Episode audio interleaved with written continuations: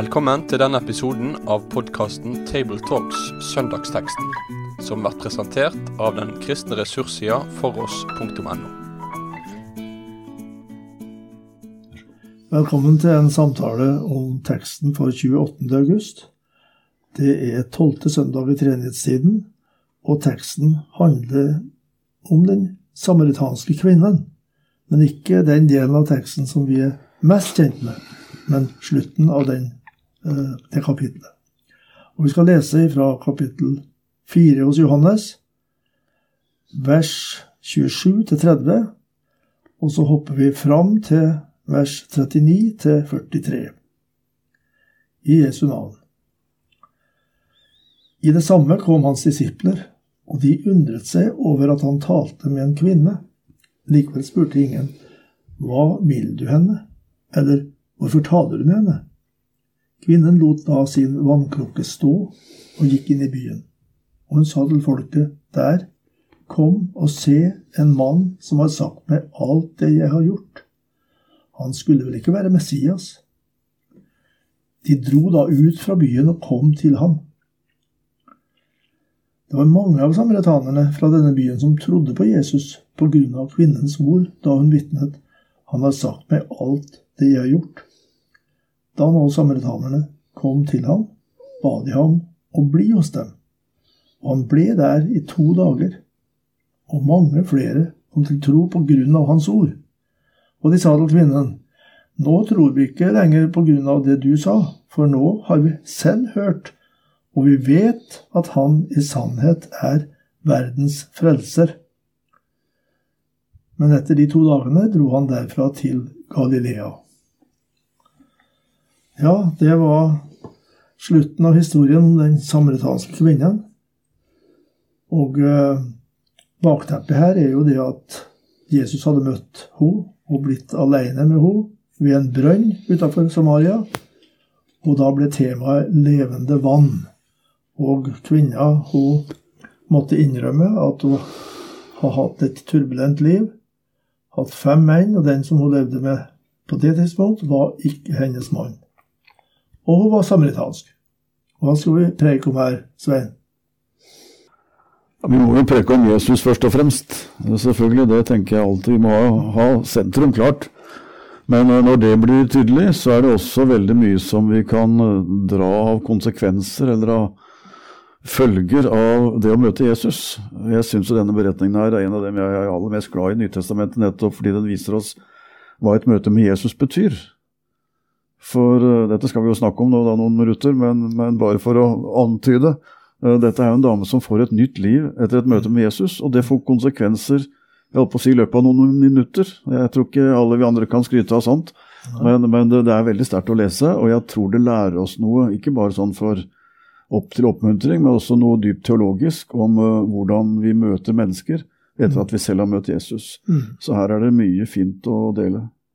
Jeg syns det er flott å se hvordan uh, hun uh, forandrer sin erkjennelse av hvem Jesus er, veldig raskt. For hun har jo naturligvis en fordom med en gang, at dette er en jøde som ikke vil ha noe med meg å gjøre. Og undrer seg over det, at hun blir tilsnakket. Men så sier hun etter en stund 'Herre', og kaller han det. Og da er respekten der i full grad. Og så kommer det litt senere 'Jeg ver og ser at du er en profet'. Så da har hun erkjent enda mer. Og så kommer spørsmålet til slutt 'Jeg vet at når Messias kommer' Og da har hun antydet at du er kanskje Messias, og Jesus bekrefter det. Slik at det er en flott stigning i den opplevelsen hun har. Det er jo også et veldig viktig poeng i denne teksten at Jesus krysser grenser på en svært overraskende og kanskje provoserende måte. Da. Det starter jo sånn at de stussa over at han tala med en kvinne. Han som var en jødisk mann, sto og tala med en kvinne. Og i tillegg var hun samaritan. Og hun var ei krenka kvinne, ei syndig kvinne. Alt dette trer fram i teksten, og Jesus bare står der og er interessert, så interessert at han, han, er villig til å være i byen sammen med henne i to dager til for å presentere sitt budskap. Så jeg synes det sier en god del om, om det å krysse grenser for å møte mennesker med evangeliet.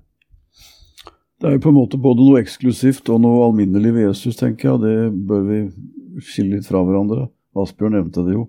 At hun fikk jo um, et møte med en som hun ved første øyekast skulle ønske ikke var der. Uh, og um, han viser seg jo å være ikke bare en profet, men å være Messias, og den erkjennelsen kommer hun til. Så, sånn sett er dette en veldig lærerik beretning om hvordan Jesus viser seg som, uh, som den Messias som han er og hvordan noen kommer til den erkjennelsen og får et forandret liv. Så, så, det skal vi se, tenker jeg, og løfte fram som nettopp et uttrykk for at Jesus er Gud som kommer til oss i menneskers skikkelse, men samtidig opptrer sånn at mennesker aner at det er Han, og får en utfordring til å tro. Og samtidig, for å, det kan vi gjerne snakke litt mer om etterpå, for det brenner jeg litt for, så får vi også se en måte å møte mennesker på som jeg tenker er forbilledlig også for oss. Vi skal ikke være Messias. Det er han alene om. Men å møte mennesker der hvor de er, og også møte dem som livet har gått i stykker for, på en måte som gjør at de ikke føler seg fordømt, men opplever at noen ser dem med et annet blikk enn det mannfolkene hadde sett henne på med tidligere, det er også vår utfordring. Så det å kombinere beundringen og ærefrykten for Messias, som vi ser i aksjon, og samtidig si at denne tjenesten han ønsker han oss uh, i etterfølgelse av, det tenker jeg er en spenningsfull kombinasjon. Det er jo et veldig enkelt vitnesbyrd du har, da. Og det, det må ha betydd noe for at hun fikk den samtalen med Jesus om sitt liv. For å si 'Han har sagt meg alt det jeg har gjort'. Og det gjentar hun til sine venner i samaritanske byen der.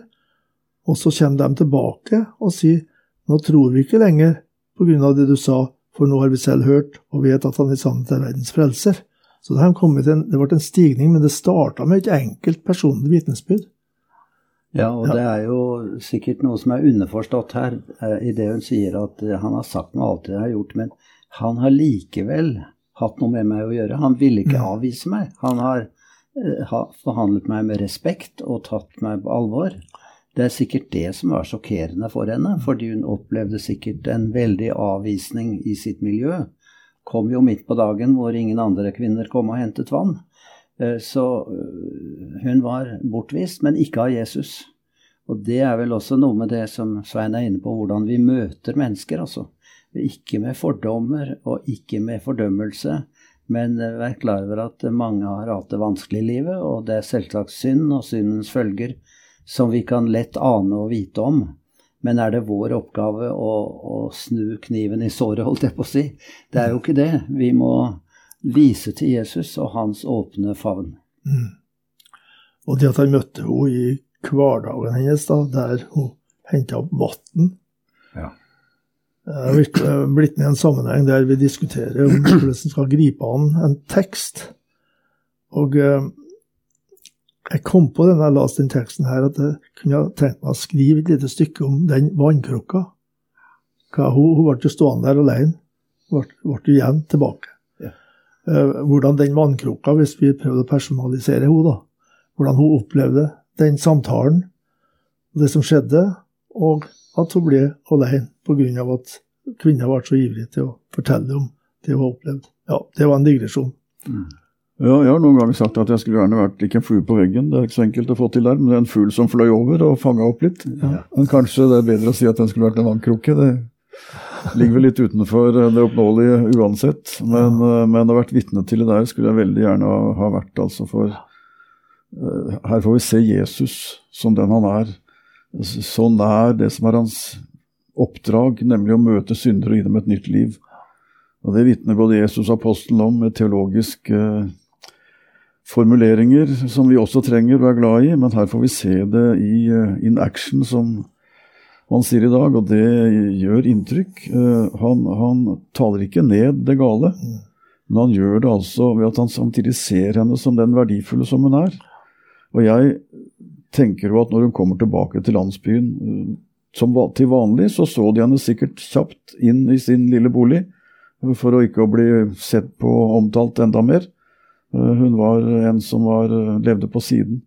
Og så kommer hun altså og stiller seg opp midt i Storgata, som sikkert ikke var stor, og roper til alle Kom og se en mann som har sagt meg alt jeg har gjort. Kan tenke seg undringen i det vitnesbyrdet.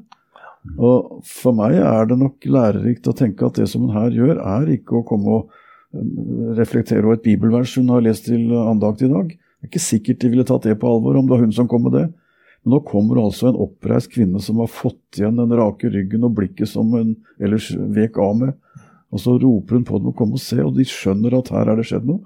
Og så er jeg helt sikker på at bare det å se denne kvinnen fortalte at det var en som har fått et nytt liv.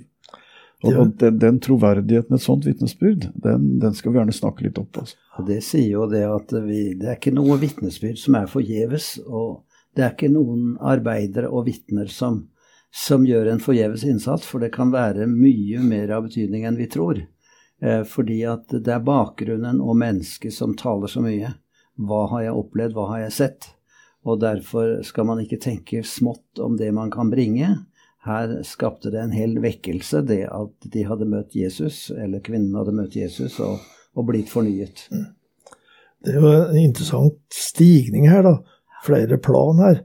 For det eneste er det stigning i hennes erkjennelse av hvem Jesus er, eller i tekstens erkjennelse. Det starter med profet, og så Han er vel ikke Messias, og så ender det med Nå vet vi at han er verdens frelser. Så det er en tydeliggjøring av hvilken Messias de har opplevd og, og møtt. Mm. Og så den stigningen også i det at først er det hun som sier hva hun har opplevd med Jesus, at han har fortalt meg alt de har gjort. Og så sier de nå tror vi ikke lenger av den grunn, for nå har vi selv møtt ham og vet han er verdens frelser. Så vitnesbyrdet som setter i gang en hel vekkelse, som du sier, Asbjørn, den, det ble på en måte ført i møte med Jesus som gjorde at de fikk se mer om hvem Jesus var, og fikk eh, komme til tro og visshet eh, i forlengelsen av dette. Ja, det, her er det masse å hente. Uh, her får vi hjelp til, tror jeg, å forstå hva et vitnesbyrd er. Mm. For det er vi jo kalt til å være. Og det hun gjør, som jeg så vidt nevnte litt uh, lettvint i stad, er jo ikke å komme med en bibelmeditasjon. Men hun må fortelle det som har skjedd med henne. Og det virker som dette er ikke planlagt, det er ikke en evangeliseringskampanje som hun har rugget på. Den, den, den kommer spontant. Hun kan ikke la være å tie om Jesus, som vi synger. Eh, og det hun gjør, det er ikke å minnes et bibelord, men det hun gjør, er å fortelle hva Jesus har gjort. Altså hun deler en erfaring. Og det er det som er det grunnleggende i et vitnesbyrd, også slik som Bibelen beskriver det for oss. Det er å fortelle hva Jesus har gjort. Altså dele det ikke i alminnelighet hva profetene sier, men hva jeg har opplevd. Det er det vi kaller det personlige vitnesbyrd. Og siden dere er inne på rekkefølgen her, så tenker jeg at det er også litt lærerikt da å lytte til hvordan de ordlegger seg når de summerer opp dagens, dagenes begivenheter. Etter at Jesus har reist, så sier de vi, nå tror vi ikke lenger på du sa, det du sa. Underforstått, vi trodde det, altså. Men nå hviler troen vår på at vi har møtt han. Og da lærer jeg noe som både er teologisk viktig, men også god evangeliseringsstrategi, tror jeg. Ikke minst i vår tid, hvor bibelkunnskapen er på stor retur. Det folk vil lytte til, er kanskje at vi forteller hva Jesus har gjort, altså våre erfaringer. Våre erfaringer kan man ikke argumentere i hjel. Det kan med våre argumenter. Å dele erfaring kan kanskje åpne for en nysgjerrighet på hvem er det som har gitt deg sånne erfaringer. Jeg skjønner det har skjedd noe. Hvem er det du har møtt? Slik undret seg så kvinnen. Og så førte hennes praktiske hverdagsvitnesbyrd til at de møtte Jesus, og så fikk de lytte til hans ord. Og så ble det Jesus som ble sentrum. Så var ikke hun viktig lenger. Men hadde ikke hun vært der med det hverdagsvitnesbyrd som hadde skjedd med henne, så hadde ikke de møtt Jesus og blitt kjent med han og det ordet han talte. Og Dette kan vi overføre til vårt liv og tenke på at vi møter nok mennesker ved brønner overalt. altså Det kalles jo brønner, men også i oversettelsen er kilder. Og det er mennesker som er på jakt etter noe godt for sitt liv. ikke sant? Eh, slukke åndelig tørst, og de søker noe. Eh, og vi kan møte dem og, og forkynne om Jesus. Og eh, det gjelder da å se dette høre det av hva de sier, og forkynne om det levende vannet som Jesus er. Det er noen som venter på at noen skal gi, oss, gi dem vannet fra himmelen, tenker jeg på. Det er utfordringen med å tenke over denne eh, lignelsens plass i mitt liv. Eh, og da forandrer det så mye med menneskene. Da disiplene forlot Jesus, og han satt sliten der ved brønnen, og de ville gå og kjøpe mat, ikke sant, for Jesus ville hvile, rett og slett.